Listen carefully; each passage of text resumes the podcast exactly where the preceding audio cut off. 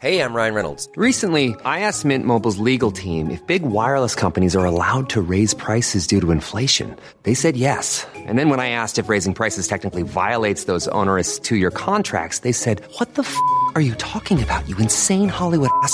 F- So to recap, we're cutting the price of Mint Unlimited from $30 a month to just $15 a month. Give it a try at mintmobile.com slash switch. $45 upfront for three months plus taxes and fees. Promo rate for new customers for limited time. Unlimited more than 40 gigabytes per month. Slows. Full terms at mintmobile.com. Hey Dave, Yeah, Randy. since we founded Bombus, we've always said our socks, underwear, and t shirts are super soft. Any new ideas? Maybe sublimely soft. Or disgustingly cozy? Wait, what? I got it. Bombus. Absurdly comfortable essentials for yourself And for those facing homelessness. because one purchased equals one donated. Wow, did we just write an ad? Yes. Bombas. Big comfort for everyone. Go to bombas.com slash ACAST and use code ACAST for 20% off your first purchase. There's never been a faster or easier way to start your weight loss journey than with PlushCare. PlushCare accepts most insurance plans and gives you online access to board-certified physicians who can prescribe FDA-approved weight loss medications like Wigovi and Zepbound for those who qualify. Take charge of your health and speak with a board-certified physician about a weight loss plan that's right for you. Get started today at plushcare.com slash weight loss. That's plushcare.com slash weight loss. plushcare.com slash weight loss. Min mamma sa till mig när jag, skulle, när jag sökte polis, så sa hon så här, nej men tänk dig nu för, så här, du kommer ha ett yrke där alla som du möter kommer tycka illa om dig på ett eller annat sätt. Jag kommer ihåg att jag kunde sitta och tänka så här, och titta på alla människor i tunnelbanan och tänka så här, gud vilket underbart jobb jag har. Jag har förändrat en människas liv idag. Alla ni andra här låg och sov. Liksom den här känslan att verkligen liksom, ha gjort skillnad på riktigt. Om alla gör någonting för någon eh, eh, varje dag så skulle ju kanske världen se annorlunda ut.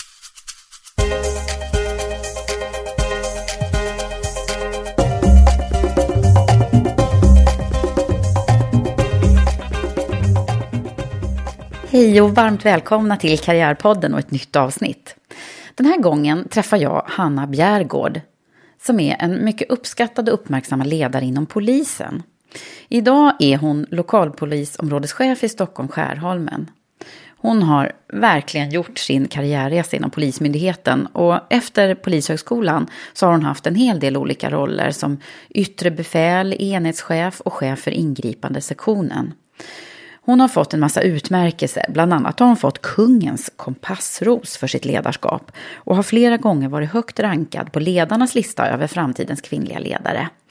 Och just nu så är hon faktiskt nominerad som Årets ledare. Det pris som utses på Framtidsgalan som Framtidsverket arrangerar för offentlig sektor. Och det avgörs faktiskt just nu i dagarna, den 15 november. Det blir spännande. Ja, ni hör ju, det här är en person som vi behöver lära känna och ta del av hennes tankar. Men innan vi startar så vill jag påminna om vårt nätverk Women for Leaders Network. Det är ett kvinnligt professionellt nätverk som är öppet för alla oavsett bransch, befattning och var du befinner dig i karriären. Du kan läsa mer på womenforleaders.com och det är snart dags för nästa träff den 23 november som vi gör i samarbete med Telia. Och förra gången så var det ett så himla härligt gäng och otroligt mycket positiv energi och bra feedback vi fick efteråt. Så haka på du också. Jag ska också berätta att i slutet på podden så är det dags för vår nyhet, nämligen lyssna frågor. Så häng med för nu kör vi!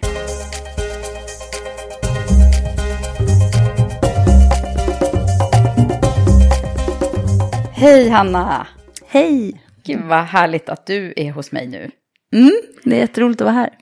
Och jag känner mig så hedrad faktiskt. Här sitter en eh, person som har fått massa utmärkelser och så. Men det är ändå din poddpremiär fick jag nyss reda på. Mm. Ja, men det stämmer. Det är min första gång i podd. Ja, Mm. vad kul. Mm. Och dessutom så är det så att du har kommit på tips till Mm. mig. Att, Mm. eh, att du borde eh, intervjua Hanna för hon har så mycket bra ledarskapsteorier och annat att dela med sig av. Ja, ja. Det är Nu, känn, nu är det liksom håsat nu. Ja, ja, precis. Så ingen, ingen press. Ja. Nej, ingen press. Nej. Men om vi skulle börja lite sådär från början och så att vi får lära känna dig. Vad, Mm. vad, hur har din karriärresa sett ut? För du har ju en väldigt lång och gedigen karriär inom polisen. Ja, Hur har det här gått till?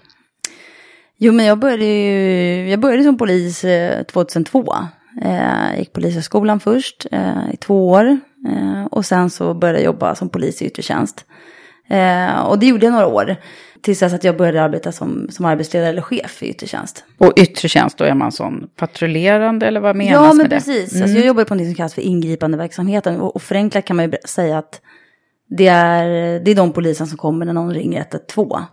Eh, Okej. Om man ska liksom generalisera. Mm. Eh, så där jobbade jag och eh, började även jobba som chef i, i, och då heter funktionen yttre befäl. Alltså man är befäl över de poliser som är ute och jobbar. Ja. Ehm, Var det här någonting som du... eh, Var det sån här barndomsdrömmen, jag ska bli polischef när jag blir stor? nej, nej, absolut inte. Det var... eh, Från början hade jag nog mitt drömyrke var faktiskt psykolog.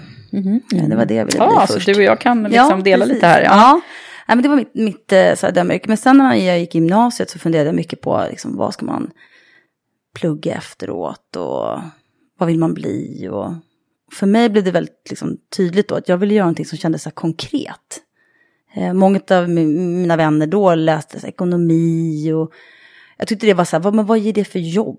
Jag, jag har svårt att se liksom så, vad det skulle kunna bli i förlängningen. Och, och då kändes så här, polisyrket som ett väldigt så här, konkret, ett konkret arbete. Där man liksom, dels att man vet vad man får för typ av jobb. Eh, men eh, konkret också att man, det är en väldigt konkret arbetsuppgift. ja, det är det ju. Det är liksom ett riktigt jobb. Ja, precis. Ja. Ja. Eh, plus att jag eh, någonstans landade i att jag kände att jag vill göra någonting som, som känns meningsfullt och som faktiskt gör skillnad eh, för, för människor. Liksom Just det, riktigt. är det någonting som då, då kopplar man ju genast ihop det med det här önskan om att bli psykolog. Ja. Eh, för det är ju är Jag också lite så här, göra något gott för andra. Ja, men precis. Jag, jag läste psykologi, jag började på Stockholms universitet och läste psykologi. Jag läste även kriminologi.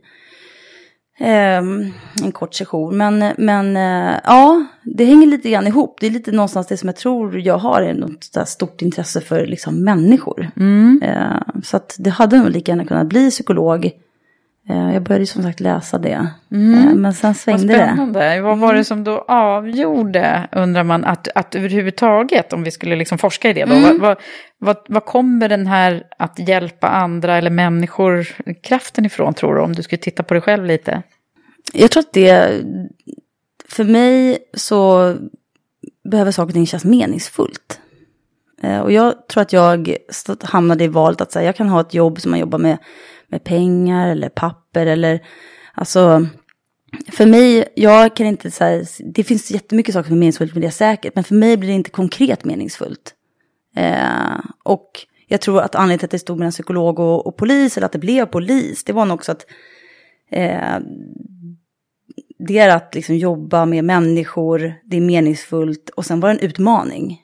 Eh, och jag är väldigt det. svag för utmaningar. Okej, nu... Eh, så att jag tror att det var det som fällde avgörandet däremellan. Mm. Att, att det var en utmaning att se, så här, jag måste testa om jag ser om jag kommer in.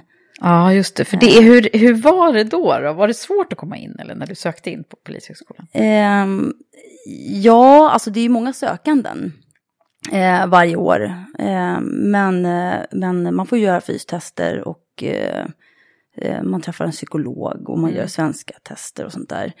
Eh, så att, eh, men ja, när jag kom ju in, så att för mig var det kanske inte var svårt. Nej, men nej. men eh, det är klart, det är ju hela förfarandet. Det triggade någonting i mig att så, det där måste jag testa om jag kan klara av. Eh, Men hur är det när du, eh, när du var liten och så då? Hur, hade du några förebilder inom det här området eller? nej, jag är ingen i släkten som, som jobbar som polis. Eh, men jag är kanske en typisk lilla syster. Jag är ju lilla syster i, min ursprungsfamilj. Eh, och jag tänker att det har präglat mig ganska mycket till att jag... Eh, eh, ja, men jag är en typisk tävlingsmänniska. Eh, jag har alltid liksom haft någon att sträva efter, jag har haft en stora syster. Eh, och eh, ja, blivit en... Jag, jag, tror att det har präglat mig helt enkelt. Ja, hur, hur långt är det mellan? eh, Det är bara två år. Ja, okej. mellan mig och min syster. Eh, jag är också en, eh, har, en, har en idrottsbakgrund, eh, spelat basket. Ah, Ehm, att du är lång ja. Mm, ja, precis. Eh, nej, men och och jag tror att eh, eh, jag är en typisk tävlingsmänniska. Jag har svårt att, eh, eller hade under många år svårt att förlora eh, i spel. Eh, och, och allting kan göras till en tävling, eh, vad man än gör. Eh, det är till och med så att jag ibland får tvinga mig själv till att, jag har till och med svårt att förlora när vi pratar om spel med barnen och sånt där. Det är nästan lite sjukligt. Eh, men, De sådär, måste få ja. vinna i Monopol. Ja, men precis. Ja, men min man brukar säga det. Så att det nu får du faktiskt liksom, låta dem vinna lite grann. Så jag kan tycka, nej, men man, eh, det, det är allvar även i spel. Man ska lära sig att förlora också. Eh, så att, ja, lite så. Vad roligt. Mm. Ja, men det där är ju intressant det här med småsystrarna. För det, Mm. eh, ja, jag tycker ju att jag kan se lite att man oftast hittar de som vågar liksom gå lite utanför, eh, ja, testa nytt och Ja. bryta lite så här normen i familjen. Är oftast eh, småsyskonen. Ja, och jag har nog varit en typisk lilla syster på det sättet. Eh, även under, under tonåren och sådär lite. Ja. Kanske den som var lite mer på gränsen än vad min stora syster Okej, var. du testade lite där också. Ja, precis. Ja, men jag har nog alltid testat lite och varit ganska orädd. Ja. Eh, och Var är gillat- du uppvuxen någonstans? Eh, norr om stan, eh, i Sollentuna är jag uppvuxen. Ehm, mm. Hur, hur var du då? Nu börjar vi där från början nu då. Mm. Va, va, hur var du när du var liten? För an, annars då, i skolan och sådär? Jag var nog rätt duktig i skolan, men ehm, jag var och är rätt viljestark eh, och väldigt social. Så jag vet ju till exempel att min, eh, min mamma hade lite funderingar när jag skulle börja första klass, för jag skulle få en väldigt gammal och sträng fröken. Och jag vet att hon har berättat i efterhand att det var viktigt att, liksom, att jag fick en bra start i relationen till den fröken, för det var liksom den gamla, den gamla skolans fröken.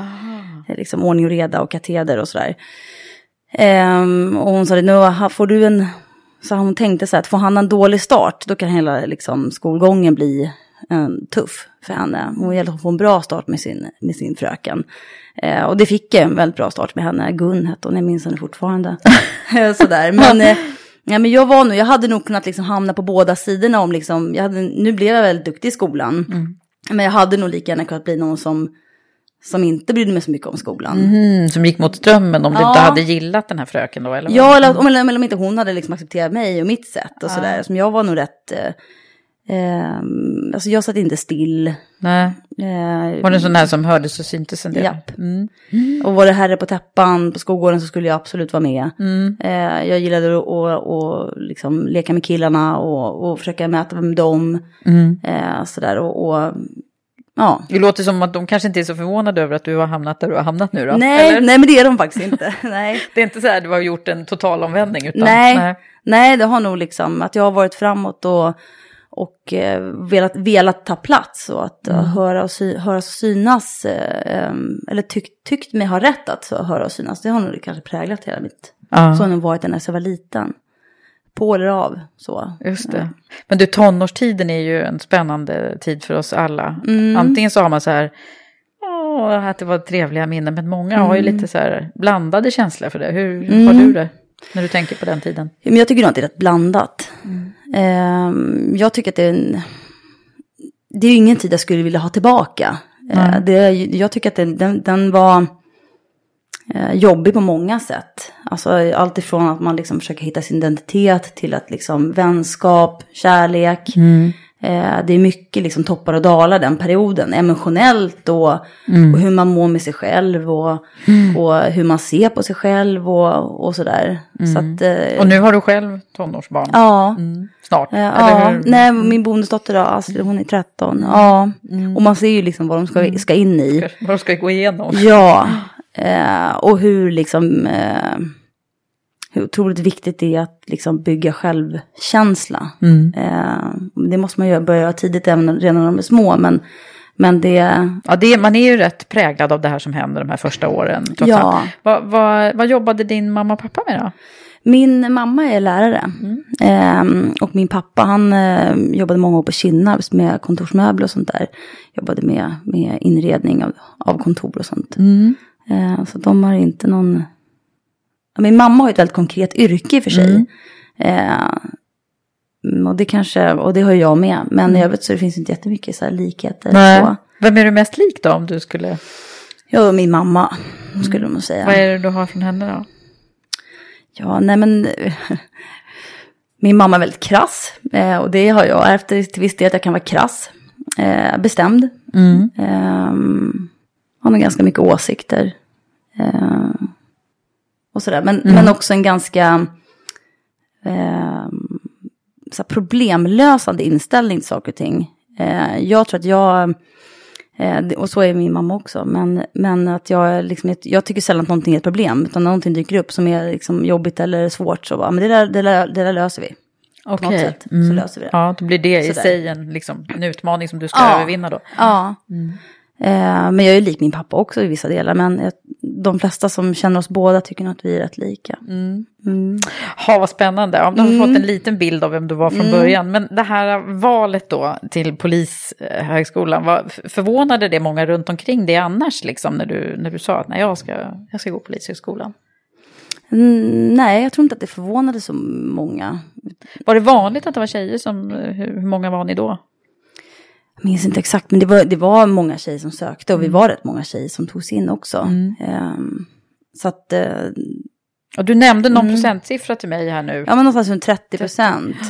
Jag är det att- nu alltså? Ja, jag tror att nu i myndigheten är det nog det ungefär. Eh, jag tror att det är lite högre i antagningen till polishögskolan idag.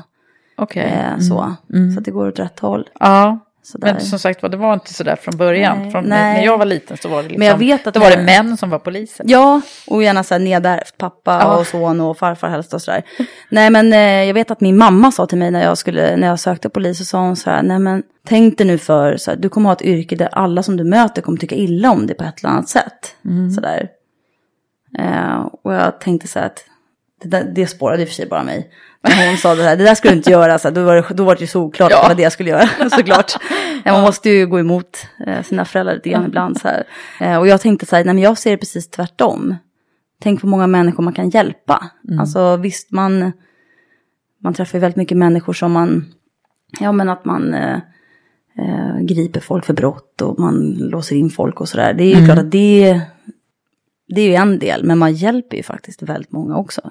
Just det, så det är ta- Eh. tacksamt så tillvida. Ja, ja och att man... Eh, de flesta människor möter kanske en polis en, eller två gånger i livet. Eh, alltså att, men det mötet brukar de flesta komma ihåg sen. Så man kan ju verkligen vara liksom en... Eh, göra skillnad, liksom, där och då för den människan. Man Ja. kan ju varit med, man kan vara, få vara med när en människa liksom tar ett beslut om att vända sitt liv eller att förändra sitt liv. Och det är ju en ganska häftig upplevelse. Ja, gud, det har du ju rätt i. Det kan, man ju bara, kan jag bara reflektera själv de få gångerna jag har liksom. Ja. Då, har jag, då har man ju själv varit i, väldigt så här, upprörd. Man, vi hade inbrott hemma. Ja. Och, eh, eller alltså man Ja. själv är, så det är bra om man är psykologiskt intresserad precis, där. ja. För man möter människor ofta kanske i kris eller chock eller så. Ja, ofta gör man ju det.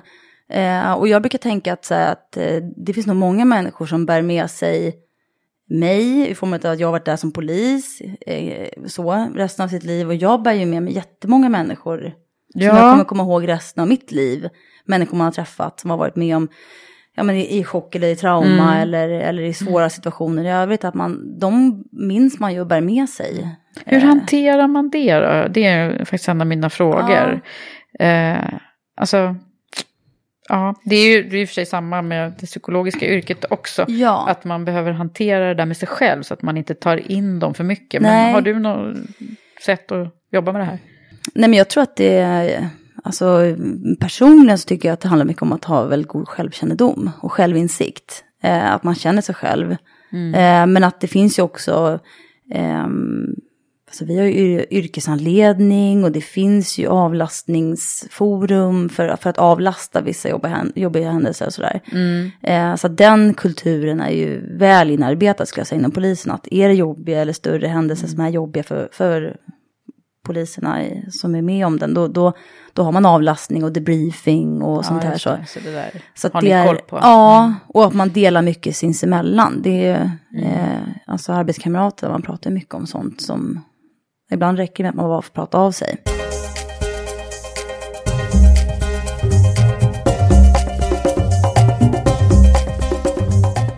När kom du på att du skulle bli chef då? Eller vem kom på det? Ja, precis, för det var faktiskt inte jag. nej, det var inte jag. Nej, nej jag, hade, eh, jag hade en eh, chef som uppmärksammade mig och som sa att eh, i samband med ett utvecklingssamtal att vi tycker att du borde eh, kliva in i, i ledarrollen och chefsrollen och, och prova det. För vi, vi ser att du har kvaliteter som vi tror liksom skulle komma till sin rätt i, i det. Och då hade jag nog inte, jag trivdes otroligt bra med mitt jobb som polis i yttre tjänst. Jag hade egentligen inte tänkt, tänkt så långt än. Eh, så att, eh, Hur gammal var du då, då när du fick första chefsjobbet? Eh, ska vi se. Jag gick, man måste ju gå lite formella utbildningar först och så där, innan man kan axla chefsuppdraget. Men jag tänker 2007 tror jag att jag började, började som, som chef, direktchef då. Mm. Och då var jag alltså, ja, ska vi se. 29 kan jag varit det. Ja, något sånt. Mm. Ja, är det. Man har så här, man, inom polisen ser det så att man, man går utbildningar för att bli chef och vissa formella utbildningar måste man ha. Eh, och sen börjar man då vikariera när ens ordinarie chef är borta och sen så, så, så Ah. funkar det. Och sen när får man Så söka. farfars princip. liksom. Ja, men lite så. Eh, så att, ja. Jaha. Och hur, hur, hur trivs du då i ledarrollen? Och det har ju liksom bara byggts på mer och mer kring dig ja, då. jo men jag trivs jättebra. Eh, för att jag tänker lite grann att de anledningar som jag sökte polisen, att jag vill kunna göra skillnad för människor, och så här, det kan man ju verkligen göra som, som chef och ledare också. Fast liksom i organisationen, Ja. för de som är i den. Eh, så jag trivs jättebra med att vara Ja. Och det du gör idag, om man skulle bara här, berätta, vad, hur ser det ut i din, din eh, chefsroll idag? Ja, men jag är ju lokalpolisområdeschef och vi, det är ju en, en eh, nu är den inte ny längre, men det var en ny funktion som kom till i, i samband med att vi omorganiserade oss. Eh, och det innebär att jag, jag har ett eh, geografiskt område som jag ansvarar för och, eh, all polisverksamhet egentligen inom det området. Alltså både poliser i yttre tjänst och poliser som utreder, eh, poliser i reception och så. Så jag har ett geografiskt område egentligen, en egen en polisstation där, där mina medarbetare jobbar. Ja. Hur mycket folk är det som jobbar? Eh, 110 är vi eh, där. Eh, och ehm, Ja, det är lite folk att hålla på. ja, precis. på Ja, men jag har ju, jag har ju chefer då. Under dig, ja. Ja, precis. Ehm, och ehm, jag sökte ju, all, när vi gick in i den här organisationen så fick alla, alla chefer söka om sina tjänster. Jag hade en annan eh, chefstjänst innan. Eh, och det här var ett uppdrag som jag kände att det var jag verkligen sugen på. För att det är en del av att vi omorganiserar oss är att vi ska komma närmare liksom, medborgarna och vara mer lokalt förankrade i lokalsamhället. Så det, apropå att göra skillnad för människor så kändes det som att det, det hände någonting i mig då. Så att det här Ja. är ett jätteroligt uppdrag. Det, det triggade dig lite extra. ja. Men du, jag läser här, apropå din, din ledarskap, så, så har jag läst att när du fick den här kompassrosen Mm, av kungen, va? ja. Eh, 2009, så, så var det, nomineringen löd, löd så här. För att hon modigt drivit fram ett nytt ledarskap med delaktighet och ansvarstagande inom sin polisenhet som lett till tydliga värderingar, större öppenhet mot allmänheten och ökad förståelse för olikheter. Mm, ja. Vad gjorde du för att det Ja. skulle bli så här, tänker man då? Ja, alltså jag tror att, eller jag tror, det som, eh, det jag tror att man verkligen tog fasta på i, i när jag fick den där utmärkelsen var att jag ehm, kanske i viss mån vågade ifrågasätta den, ty den tydliga hierarkiska ledningen som, alltså polisen är en hierarkisk organisation, men jag har alltid funkat bäst genom att leda tillsammans med andra. Eh, och att eh, jag har en, att jag är bra på att här, delegera ansvar, att lita på människor och att väva in människor i beslutsfattandet på ett annat sätt som kanske är lite, åtminstone var inte då, liksom en, kanske det vanligaste sättet att leda inom polisen. Eh, eh, där jag liksom också på det, genom det fick med mig väldigt mycket av medarbetarna. Att vi förändrade våra arbetssätt, vi vågade prova nya metoder.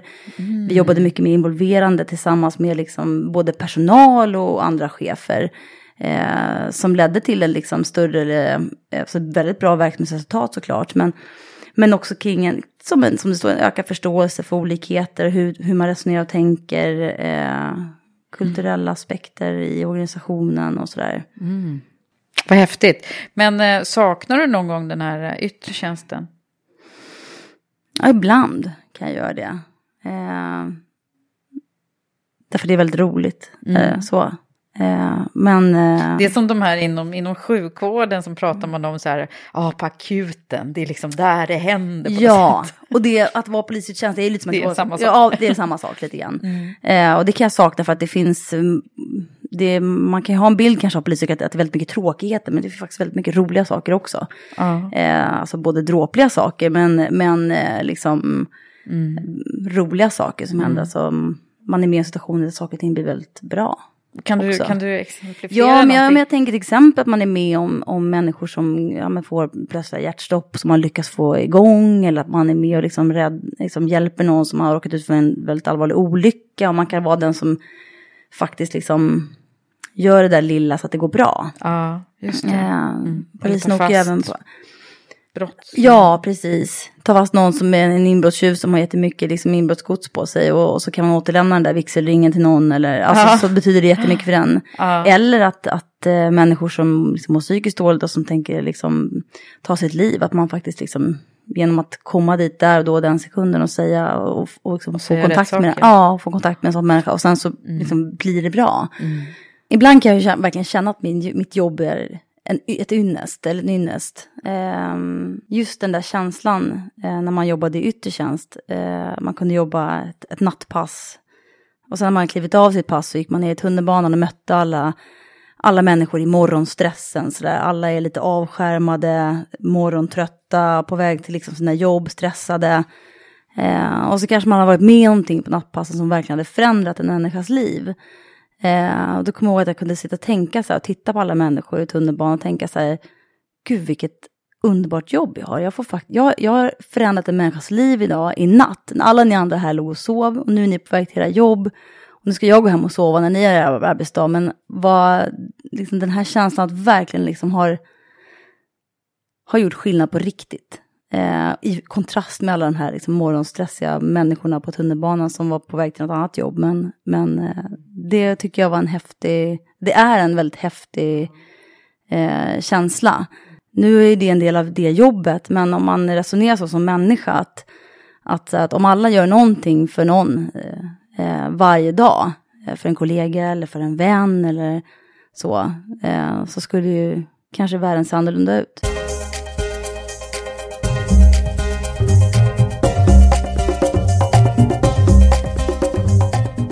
Vad är det jobbigaste du har varit med om? Eh, barn som, som dör. Eh, Eller ett barn som dog. Ja, Ja, det kan man förstå. ja det är absolut värsta, tycker jag. Så, men det, det är ibland sådana som man bär med sig. Sådana händelser och människor. Ja, som du sa, att det är många som du har med dig ändå. ja, Även om man visst. fått jobba med det så är det klart att Ja. man kommer ihåg. Ja, absolut. Och man kan komma ihåg liksom både eh, datum och tid och årsdagar och sådär. För sådana saker. Mm. Blir man, du, du sa förut att du var krass, men, men blir man liksom, kan man bli van vid det där?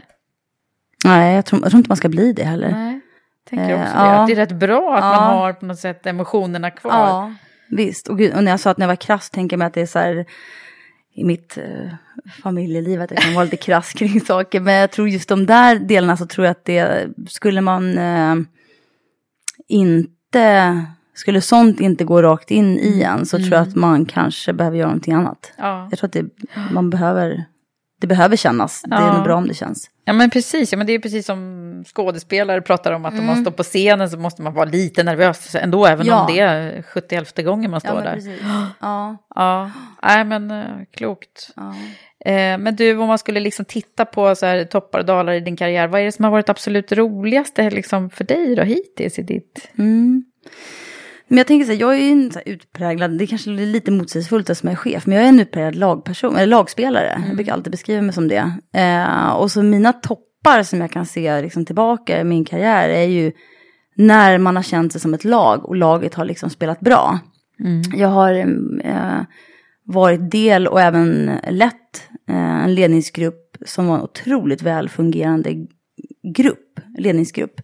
Eh, där, eh, där liksom alla är, man har gått igenom de här gruppfaserna i Fire-cirkeln eller vad man väljer att liksom benämna det. Och man har kommit till en plats där det är liksom dynamiskt och fungerar.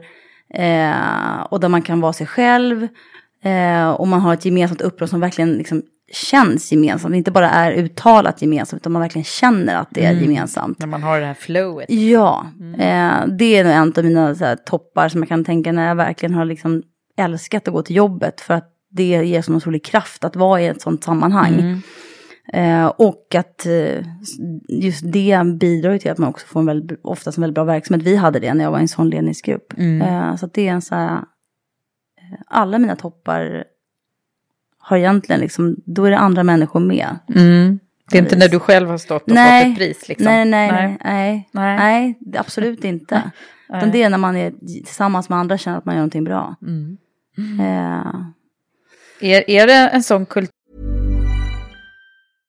Hey, I'm Ryan Reynolds. At Mint Mobile, we like to do the opposite of what Big Wireless does. They charge you a lot, we charge you a little. So naturally, when they announced they'd be raising their prices due to inflation, we decided to deflate our prices due to not hating you.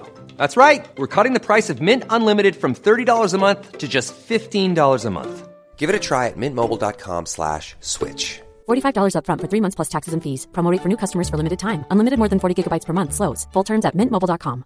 I'm Sandra, and I'm just the professional your small business was looking for. But you didn't hire me because you didn't use LinkedIn jobs. LinkedIn has professionals you can't find anywhere else, including those who aren't actively looking for a new job but might be open to the perfect role, like me.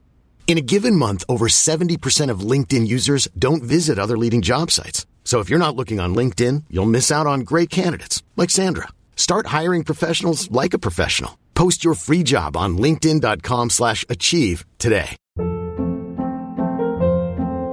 Hold up. What was that? Boring. No flavor. That was as bad as those leftovers you ate all week. Kiki Palmer here, and it's time to say hello to something fresh and guilt-free. Hello Fresh. Jazz up dinner with pecan-crusted chicken or garlic butter shrimp scampi. Now that's music to my mouth. Hello Fresh. Let's get this dinner party started. Discover all the delicious possibilities at hellofresh.com. Millions of people have lost weight with personalized plans from Noom, like Evan, who can't stand salads and still lost 50 pounds. Salads, generally, for most people, are the easy button, right? For me, that wasn't an option. I never really was a salad guy. That's just not who I am. But Noom worked for me. Get your personalized plan today at Noom.com. Real Noom user compensated to provide their story. In four weeks, the typical Noom user can expect to lose one to two pounds per week. Individual results may vary. Hey, it's Ryan Reynolds, and I'm here with Keith, co star of my upcoming film, If, only in theaters, May 17th. Do you want to tell people the big news? All right, I'll do it. Sign up now and you'll get unlimited for $15 a month in six months of Paramount Plus Essential Plan on us. Mintmobile.com slash switch. Upfront payment of $45 equivalent to $15 per month. Unlimited over 40 gigabytes per month. Face lower speeds. Videos at 480p. Active Mint customers by 531.24 get six months of Paramount Plus Essential Plan. Auto renews after six months. Offer ends May 31st, 2024. Separate Paramount Plus registration required. Terms and conditions apply if rated PG. Tur inom polisväsendet generellt sett, eller beror det på vart man är någonstans? Det är så stort, så Ja, det kanske inte går att säga att det är en nej, kultur. Nej, det går nog inte riktigt att säga så. Eh, men eh, jag vet inte, där jag har varit genom mina år Mm. så har det alltid varit så, eller blivit så på något sätt. Mm, så det kanske är det du, du bär det med lite- dig då på ja, något sätt? jag tror att det är lite min grej att, att liksom bygga, bygga eh, ett lag. För jag har alltid haft liksom den devisen att, så här, bara för, alltså att som chef får man liksom aldrig bli oumbärlig. Eh, det ska egentligen inte spela en roll om jag är där eller inte. Det ska liksom, alla ska vara så trygga med vad de ska göra så att det ska liksom funka i alla fall. Nästa Mm. liksom att man ska kunna liksom avveckla sig själv. Eh, så jag tror att jag har varit väldigt mån om att liksom bygga den typen av strukturer kring liksom, mm, ja, en ledningsgrupp eller kring ett uppdrag. Att se till att det liksom inte Ja. hänger på en person. När är det som, eh, som alltså, jag tänker inte på rent liksom, polisyrket i sig, utan när har du varit, eh, när har du gått på motgångar personligt i din karriär då? Nej men jag tänker så här, om man tänker i form av så här, toppar och dalar, Mm. så tänker jag att jag hade en, eh, den, den tydligaste liksom, dalen eller nedgången Mm. som jag kan känna, det var nog, jag fick ju två barn ganska snabbt eh, efter varandra, jag var borta från jobbet i två år. Eh, och då var jag chef innan, och sen när jag skulle komma tillbaka Mm. eh, till min chefsroll så eh, tyckte jag att det var en väldigt jobbig period. Eh, alltså livet hade förändrats. Mm. Eh, andra värden fanns helt plötsligt liksom med i spelet. Eh, att gå tillbaka. Jag kände att jag hade, eh, alltså man har blivit, jag kände att jag har blivit ändrad lite grann som person. Alltså helt plötsligt hade man en ny roll och Eh, och, eh, och det var inte bara jobbet som var nej, liksom, precis. Nej, precis. Eh, mm. Ja, och ehm, jag kände ganska mycket så här, alltså att få ihop livet. Eh, vill, vill jag det här, är det här värt det? Då jobbade jag fortfarande i yttre tjänst, eh, tre skift då. Mm. Liksom hur vill jag... Hur får man ihop det? Hur får man ihop det? Eh, familjen har fått en helt annan betydelse. Eh, och också när man var borta från jobbet så pass länge som två år ändå är. Mm. Eh, det här liksom, vem är jag i chefsrollen? Kommer jag ihåg hur, hur man gör? Eh, mm. Ja, alltså självförtroendet som chef kände jag hade fått en liten törn. Mm. Det där är ju så himla bra att vi pratar om det här nu. Ja. Jag, för att jag har nyligen stött på det väldigt mycket. att det händer ju någonting med eh, oss under de här åren. Mm. Och det mm. är väl säkert för både kvinnor och män nu. Mm. Men eh, det är ju... Eh, alltså själv kan jag säga att jag, jag kommer inte tillbaka till samma roll överhuvudtaget. Det hinner ju hända lite mm. när man är hemma liksom ett tag. Ja. Eh, och en del, jag blev av med min chefsroll då till mm. exempel. Mm. Bara så här. Ja. Eh, och fick börja om lite från början. Men du mm. hade ändå kvar samma... Jag hade kvar min funktion. Men jag hade, det var en, en annan personalgrupp mm. eh, som jag kom tillbaka till. Eh, och jag kunde känna så när jag lämnade jobbet och gick hem för att liksom vara föräldraledig och föda barn och sådär. Så då hade man ju sin liksom plats på arbetsplatsen och alla som jobbade där liksom visste vem man var och kände en och sådär. Sen hinner mycket hända, så det är ganska stor personalomsättning på poliser i yttre tjänst. när jag kom tillbaka så var det så här, vem är, vem är Hanna? Det var liksom, jaha, vem är hon, vad kan hon? Och, Just det, var tvungen kom... att liksom etablera Ja, igen, ja. Och det tyckte jag var alltså ens arbetsidentitet hade någonstans försvunnit. Om jag hade kvar funktionen eller rollen eh, så hade liksom någonstans ens, ens identitet på arbetsplatsen försvunnit. Så man var tvungen att liksom börja om lite grann från början. Mm. Eh, ja, plus är... att man är ju också när man varit borta två år, mycket av liksom eh, mycket är färskvara i vårt yrke, alltså, eller mitt yrke då, när man jobbade mm. ute. Det, man kände sig ju ringrostig också. Ja. Det... Och sen eh, vet jag inte om du upplevde det här med att man, alltså, man vill vara en bra mamma, man vill vara en bra chef, man vill ja. liksom vara en bra ja. kompis och allt det där. Ja. Att det är så många liksom, prestationsmåsten som... Ja. Ja men alltså jo, det har, alltså sen, sen dess när jag kom tillbaka, sen jobbade jag bara i tjänst i några månader, sen fick jag, eh, för, fick jag frågan om jag ville bli liksom chef på indirekt nivå. Eh, ganska kort efter det jag kom tillbaka från min föräldraledighet. Mm. Jag tror jag jobbade ute i åtta eller tio veckor bara. Eh, och sen fick jag fråga om jag kunde ville ta ett annat chefsuppdrag. Eh, och det tycker jag var ju fantastiskt för att jag, jag tänkte så här, jag har ju precis kommit tillbaka, vem vill liksom satsa mm. på mig? Det ville de eh, uppenbarligen. Ja, det ville de ju då. Men det var ju någon som såg mig och det är, det, liksom, det är ju fantastiskt mm. när det händer. Eh, och... Ja, har du haft sådana här sponsorer som vi brukar prata om? Ja, jag, Sådana som, som liksom internt ser en? Ja, alltså när jag, fick mitt, när jag började som chef i Itchat, då var det ju min, min chef som sa att vi tycker att du... Ja. Och när det här hände, när jag liksom klev upp en, en nivå, så var det också en annan som sa så här, vi ser att du skulle kunna... Så, där, så det har egentligen präglat liksom, att man haft människor omkring sig som har lyft den. Det har mm. liksom präglat mm. hela min... Min, det är så eh, betydelsefullt. Ja. Det ska man ju tänka på själv också. Ja. Att man är här så att säga. Alla behöver en sponsor. Ja, absolut. Gud, det, och det tänker jag är idag tänker jag att det är nästan mitt främsta uppdrag. Alltså förutom att liksom leda och driva verksamhet så är det att hitta liksom framtida chefer och ledare i min ja. organisation. Hitta den som ska efterträda mig eller ja. Och att satsa på och att utveckla dem och tala om att man ser det. Eh, så. Men du, vad ska vi göra åt det här dilemmat som du hamnade i och som så många andra? Har du några idéer? Nej men jag, alltså, jag hade, när jag var föräldraledig så hade jag en väldigt bra chef. Han var väldigt så här, mån om att han hörde, hörde av sig till mig.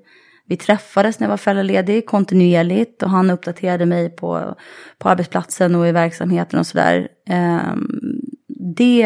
Att man kände sig väldigt del med ändå ja, liksom. Mm. och det mm. var liksom lite grann också på mina villkor. Det var så här, vill du veta om hur vi har det på jobbet eller vill du bara koppla bort och få vara ledig? Mm. Eller bara ägna dig åt familjen. Så här, då sa jag, men jag, väljer, jag vill gärna ha kontakt. Så här, jag behöver inte springa på arbetsplatsen jämt. Men jag skulle vilja liksom någon gång då och då få höra hur ni har och när det händer nya saker och det är mm. grejer på gång och så, här, så är det ändå lite bra att ha det med sig så man inte tappar de där två åren helt. Mm. Eh, så jag hade en fantastiskt bra eh, chef då som verkligen liksom jag funderar ibland i efterhand, undrar om han hade så uppskrivet i sin kalender så här, ring Hanna. Så här. Nej, men han gjorde verkligen det med en kontinuitet. För jag vet själv hur det är när man är chef och man har eh, medarbetare som är föräldralediga. Att det är lätt att man säger, åh vad härligt, vad mysigt, njut nu. Och så, så tänker man så här, jag skonar dem från informationen. Men jag tyckte han var så bra för att han ställde verkligen frågan. Så här, vill du veta, då, då har vi kontakt, vill du inte så. Att jag fick välja. Ja. Eh, sådär. Det är något man kan göra Ja, konkret. faktiskt. Och det tror jag är en del till att jag ändå valde att, liksom att gå tillbaka eh, till den rollen jag hade. Att jag kände ändå att jag hade, liksom, eh, hade behållit kontakten. Eh, så. Mm. Ja, Men en sen så grej. tänker jag det som vi var inne på i, strax innan, det här med Alltså, vi pratade om det här med liksom livet och familjen och jobbet och vad det är värt. Och så. här. Jag tycker att de tankarna, liksom, de, de startade någonstans där. De har man haft under alla år sedan dess. Det Ja. här med eh, Och få ihop att få ihop det och att känna sig, eller åtminstone inte känna sig otillräcklig. Mm. Alltså, eh, jag tycker själv att jag har varit där att man har känt att jag räcker inte till på jobbet, jag räcker inte till hemma, jag är inte liksom, jag glömmer matsäckspåsen när barnet ska ha utflykt och herregud vad är föräldramöte idag, oj det har jag missat. Alltså man är, känner sig som man bara springer på alla bollar men ändå missar man hälften. Så att eh, jag tror att den där är, och det är väl en del av liksom livspusslet som de flesta föräldrar upplever. Men Ja, och det är Att- bra att vi får höra att det finns liksom, ingen är perfekt liksom, Nej. utan nej. det är okej att missa matsäckspåsen Ja. faktiskt. De kommer att klara sig och komma ihåg den själva nu Ja. av den anledningen. Precis. Eh, och sen man får bestämma sig för vad som är liksom tillräckligt. Alltså, just att känna sig otillräcklig är en ganska oangenäm känsla. Ehm, eh, och eh, jag tycker väl att jag har landat i idag att, att jag är tillräckligt på båda ställena. Eh, och att jag har hittat en sån balans där jag kan tycka att jag, jag är tillräckligt bra på jobbet och jag är tillräckligt bra hemma. Ja. Eh, så. Ja, det är det man måste ägna sig lite åt och, och Ja. berömma sig själv där. Ja, och ibland måste man kanske köra diket där och känna att det här blev inget bra. Eh, för att liksom, mm, man får ta upp värdena på bordet och titta så här, vad värderar jag? Ja. Vad är viktigt för mig för att jag ska må bra och funka? Och vad är viktigt för familjen och vad är viktigt för arbetsplatsen? Ja. Hur har ni fördelat det då hemma? Vad jobbar din, din man Min man är polis, eh, inte helt otippat. Härligt på jobbet. ja, ja, precis. Eh, och han jobbar fortfarande skift. Eh, och det funkar ganska bra. Eh, vi har ett dagtidsjobb så att den mixen får vi ihop. Och sen handlar det egentligen om att så här, eh, alltså planera, det låter jättetråkigt. Men sen också prata om förväntningar. Det pratar vi ofta om hemma. Att, att man måste ha uttalade förväntningar, inte outtalade förväntningar. Då är det lätt att man hamnar i någon form av besvikelse. Att men jag trodde ju att vi skulle, jaha, och nu prioriterar du det här. Jag förväntade mig liksom så att vi skulle ha den här tiden tillsammans och så väljer du det här. Då är det, men vi är noga med att det ska vara uttalade Ah, ja. förväntningar. Så jag har förväntningar på att vi ska göra det här. Eh, så, den här eh, kvällen. Eh, och då, då. Har vet ni, jag... har ni ofta gemensamma förväntningar då, eller hur funkar det där? Eh, ja, nej, men för- förvånansvärt ofta så, handl- så tror jag att vi har insett att eh, vi har olika förväntningar. Och att Ja. det då är viktigt att man säger, ja men vad bra, då stämmer vi av det och, och jag kan lyssna på vad dina behov är. Eh, och då kanske någon kan säga, att, "Ja, jag hör att du har de här behoven. Eh, då väljer jag att prioritera det här för jag hör att det här är viktigt för dig. Ja. Och så får ni ta varannan dag typ? Ja, eller? eller, man får liksom eh, pussla sådär. Men. Mm. Ja, och sen när vi... Vi ehm, har också, vi ser oss ofta som liksom att man växeldrar. Mm. Eh, och det tycker jag vi har blivit bra på under de här åren. Att här, när, när jag kan så, och han har mycket på jobbet, då kan jag dra mycket av liksom familjelivet. Och sen när jag kommer in i en period när det är väldigt mycket för mig, då drar han. Mm. Att man känner att man växeldrar, att man jag tror att det är viktigt att man kommer bort från millimeterrättvisan. Ja. liksom, jag är stark, jag kan dra nu, eh, jag har mycket energi, eh, då drar jag. Liksom, Då kan du känna att... Ja, det där är ju lite. så bra. Ja, och det är faktiskt sen. samma som, eh, som med jag nu som bygger bolag ihop med en kompanjon. Ja. Det blir precis samma, att vi liksom, ja. Ja. men vad bra, nu kör du. Och, Ja. och, och det är så härligt när man får in det också, för då är man så tacksam på något sätt att det bara funkar. Ja, ja men jag tycker också det. det mm, alltså småbarnsåren är ju tuffa på det sättet att det är mycket, Mm.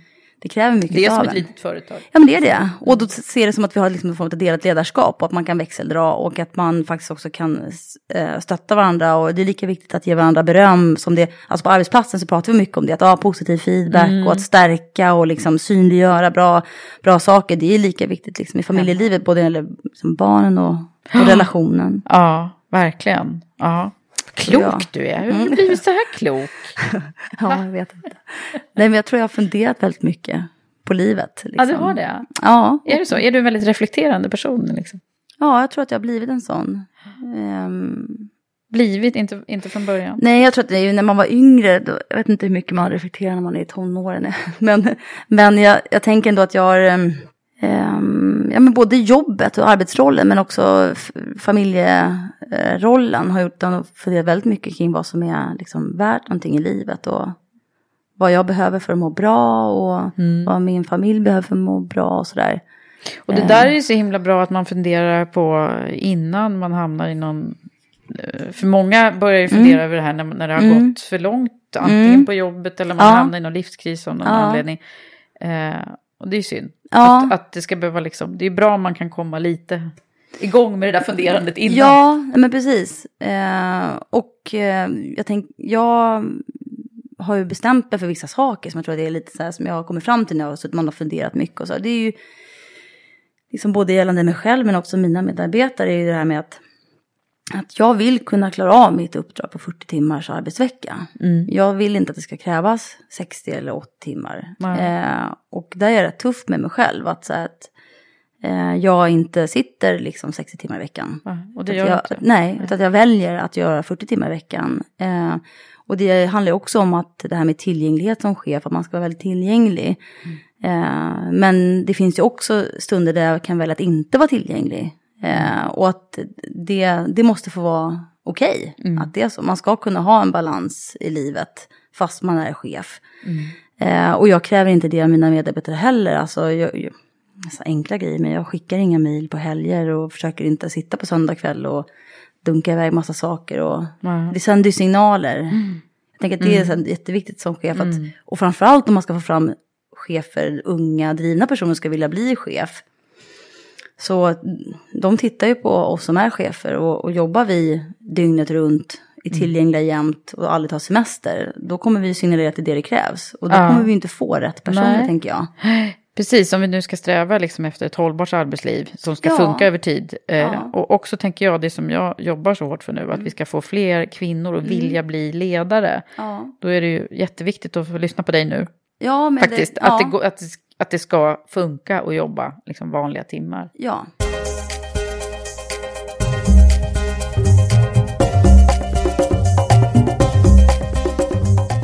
Du, eh, eh, jag tänker på det här med, du som har nu jobbat i eh, väldigt, måste ju ändå vara väldigt mansdominerad miljö.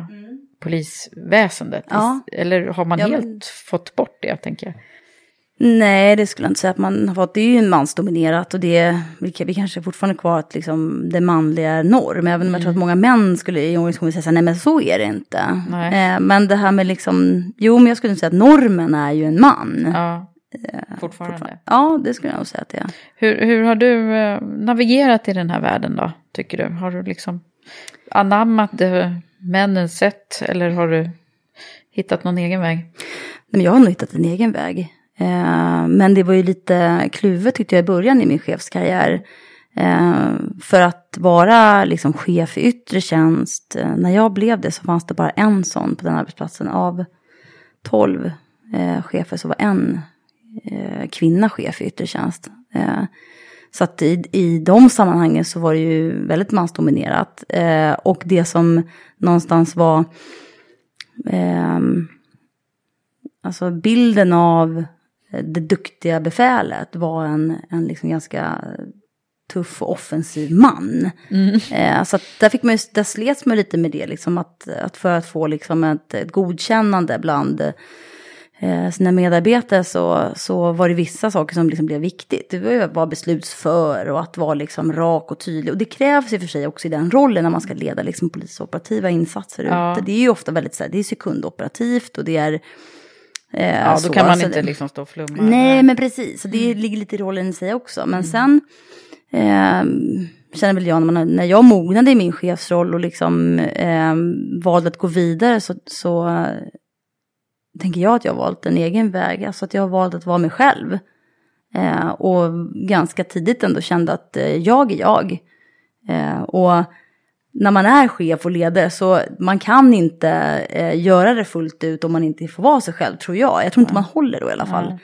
Eh, så att eh, jag bestämde mig tidigt för att men jag gör det på mitt sätt. Eh, den jag är som person kommer att liksom synas, skina igenom med mitt ledarskap och det är bra.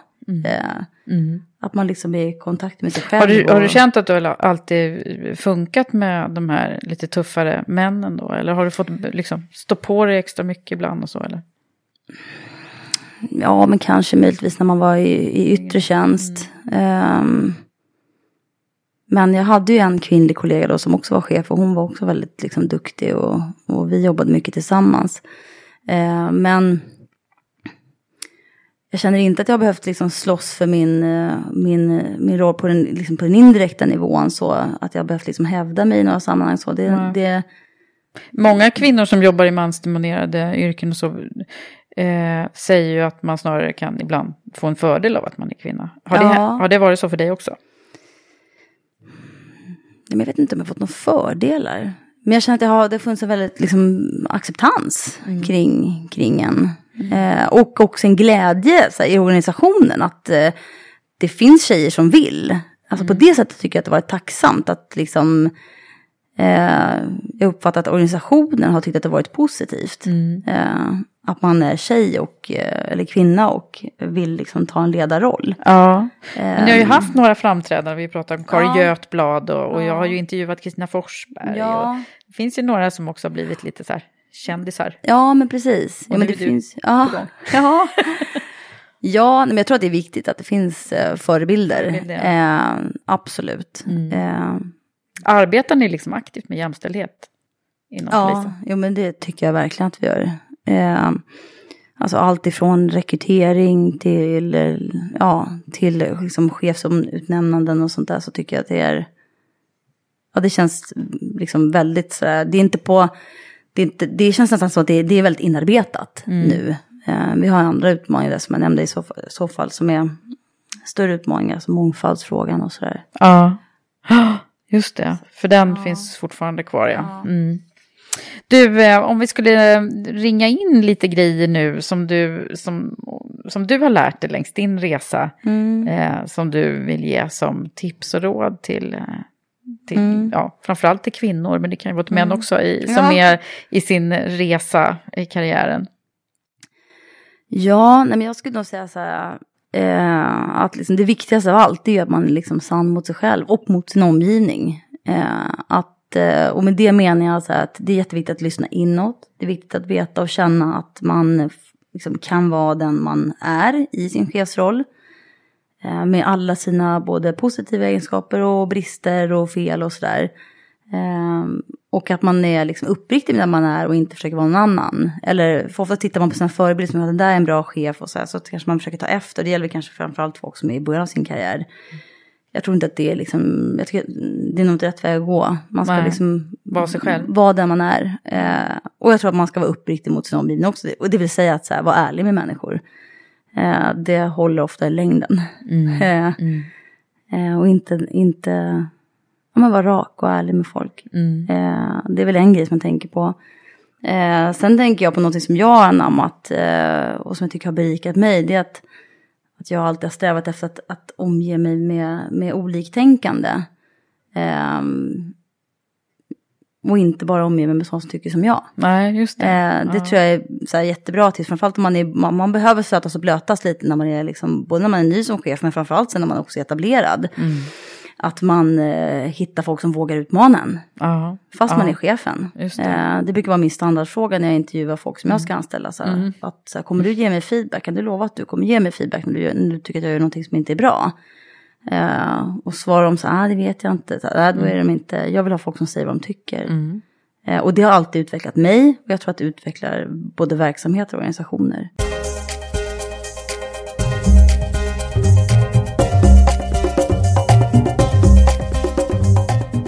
Men du, eh, Hanna, du ska ju också få en skicka vidare-fråga Mm. som eh, kommer ifrån min eh, föregående gäst, Mm. som var Therese Lundstedt, som är vd på Aktieinvest. Och hon var lite sådär eh, fundersam över att som ledare så behöver man ju alltid vara här, liksom, inspirerad och motiverad för att kunna fylla över energin till andra och, Mm. och inspirationen. Så att hon, men ibland så liksom, får man ju paus i sin egen inspiration. Mm, mm. Så att hon var nyfiken på hur gör du för att hitta tillbaka till din inspiration? Och det var ju spännande för du, Ja. du har ju berört det lite. men- Ja, nej men eh, för mig, eh, det är klart man hamnar i svackor. Eh, och för mig har det liksom alltid funkat så att då behöver jag investera liksom mer i min fritid. Alltså jag behöver verkligen så här, hitta saker utanför jobbet som ger energi. Eh, och det kan vara allt från att göra saker med familjen till träning till eh, sånt som liksom, man laddar batterierna. Eh, så det är en del som jag eh, brukar fokusera på då när man känner sig lite inspirationsfattig. Mm. Eh, men en annan del som är, jag tycker också är, är, ger mig mycket energi, det är att lite så här gå back to basics med det vi håller på med. Alltså att vara ute bland medarbetarna och se liksom, allt det här fantastiska arbetet som åstadkoms. Eh, och vara en del liksom, i deras vardag, om än bara för liksom, korta stunder. Så, Mm. så Så du tillbaka går, och tar en fika i, med dem i yttre tjänst typ? Eller? Ja, och sitter med på en utsättning när de har, eller, eller sitter med och lyssnar när de pratar om deras ärenden de har varit på. Så då får man tillbaka den här, liksom, just det, det är därför vi gör det här, det är därför det här är så viktigt. Eh, och då blir liksom min roll också helt plötsligt viktig. Just det. Eh, så det, det är lite både och, så här, back to basics i verksamheten, ner och känn liksom på den. Eh, och sen hitta liksom näring utanför jobbet. Att ta med sig in. Så. Bra. Ja, nu kommer jag på det tredje tipset. Ah. Apropå det. Nej, men det är det här med balans i livet. Eh, det har vi varit inne på ganska mycket, men jag tycker att jag ser ganska många som är i liksom början av sin karriär eller är liksom på väg uppåt i en organisation, att man eh, kanske lite självpåtaget ställer väldigt höga krav på sig själv och att man jobbar väldigt mycket och att man är superengagerad och superduktig och sådär. Och det är ju jättebra, men det där håller bara så, så, så länge. Eh, jag tror att det är viktigt att man eh, ägnar det där en tanke ibland. Jag träffade en, en eh, tjej faktiskt, eh, som inte jobbar inom polisen, men jag träffade henne i ett annat sammanhang. Och då sa hon det så här, men jag tar aldrig semester. Jag, jag gillar att jobba, jag älskar att jobba och jag tycker det är så roligt. Och jag, jag läser mejl på helger och på kvällar och jag, ja, sådär. Och så sa jag bara, det, här, det där måste du sluta med. Det, nej, men jag tycker det är så kul. Ja, men du måste sluta med det, för det kommer inte, du kommer inte hålla i längden. Och man märker inte själv när det liksom Nej. börjar gå för långt, först det är för sent. Eh, så att eh, det är väl någonting, det kanske låter lite så här flummigt, men just det här, hitta sin inre balans Mm. och eh, eh, inte försaka för länge. Det Nej, som just är det. liksom viktigt göra, i livet. göra lite så här våld på sig själv gör man. Ja, Mm. precis. Alltså det kan vara okej, så här, jag tänker, vi brukar prata mycket om det hemma, så att i vissa perioder så är det ju intensivt. Men de, man måste, jag behöver i alla fall se ett slut på dem. Alltså att nu är det en månad som kommer vara ganska mycket arbete. Men då behöver jag se att det blir någonting luftsystemet längre Mm. bort. Det får inte vara så att det är oändligt. Det här, Att det bara läggs på och ja, på. nej. Jag tror att det är... För att man ska, det är inte bara hålla längden, men för att man ska bli, jag tror att man blir bättre när man är på jobbet och man också har eh, någonting utanför. Just det. Du kommer säkert få någon sån här hållbarhetspris också känner jag nu. Det är bra saker du kommer med. Eh, men jag tänkte också höra om du har något sånt där, jag brukar fråga det ibland, om, om du har något livsmått och så här, någon, någon sån här mantra som du går omkring och tänker på. Nej, jag har nog inget sånt där klatschigt. Det har jag nog inte. Men, men eh, jag tänker ofta på, och det är väl ja, men så här, good enough, det är oftast tillräckligt bra. Eh, man, eh, ingen människa är ju, och ingen chef är ju perfekt, men det räcker att vara tillräckligt bra. Bra. Mm. Ja. Det ringer in väldigt väl tycker Ja. jag det här som du har pratat om nu. Mm. Ja, tack så jättemycket Hanna för att du har varit med här. Mm, tack.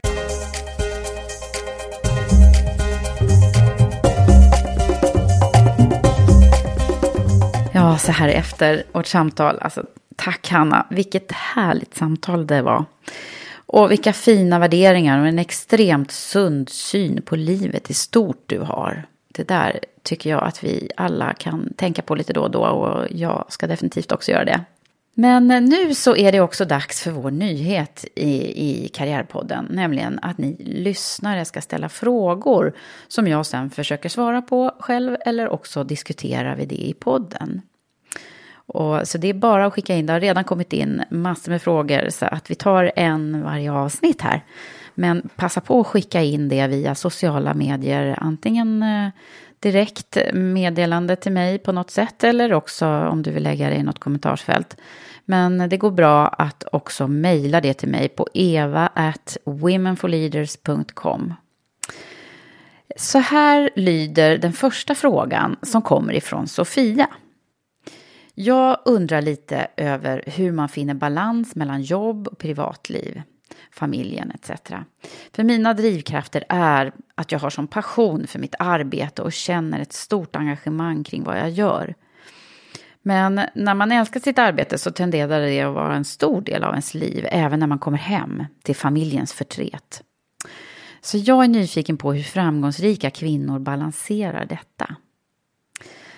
Så var hennes fråga. Så att jag tycker att vi fick väldigt bra inspiration till det i det här avsnittet med Hanna. Balansen i livet mellan jobb och familj och egen tid är väl något som vi alla lite då och då brottas med på olika sätt. Och jag bara tänker eh, till att börja med att fundera riktigt ordentligt över hur vill du ha det? Och vad är det som är viktigast för dig? Och vilka värderingar har du? Vad gäller passion för arbete kontra familj och ledighet. Ett tips är att skriva ner det här ordentligt och göra någon form av lista eller tabell eller hur du nu vill göra. Eh, med hur mycket tid och engagemang du skulle vilja lägga på arbete, relationer, fritid, träning och hälsa etc. Och sen diskutera det med din partner. Hur kan ni gå varandra till mötes på ett bra sätt? Det är ju så himla viktigt att sträva efter att vara öppna mot varandra och lyssna in varandras behov från båda håll. Ja, lycka till Sofia och hoppas att du fick någon idé där. Ha det nu så bra så hörs vi snart igen. Hej så länge!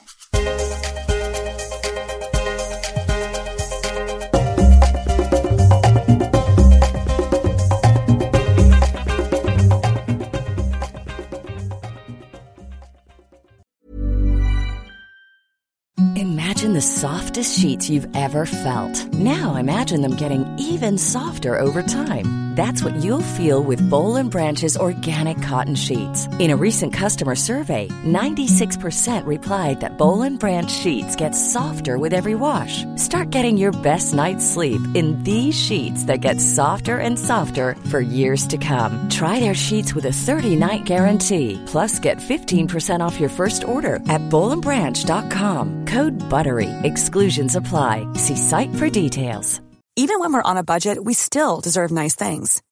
Quince is a place to scoop up stunning high-end goods for 50 to 80% less than similar brands. They have buttery soft cashmere sweaters starting at $50, luxurious Italian leather bags, and so much more. Plus, Quince only works with factories that use safe, ethical, and responsible manufacturing.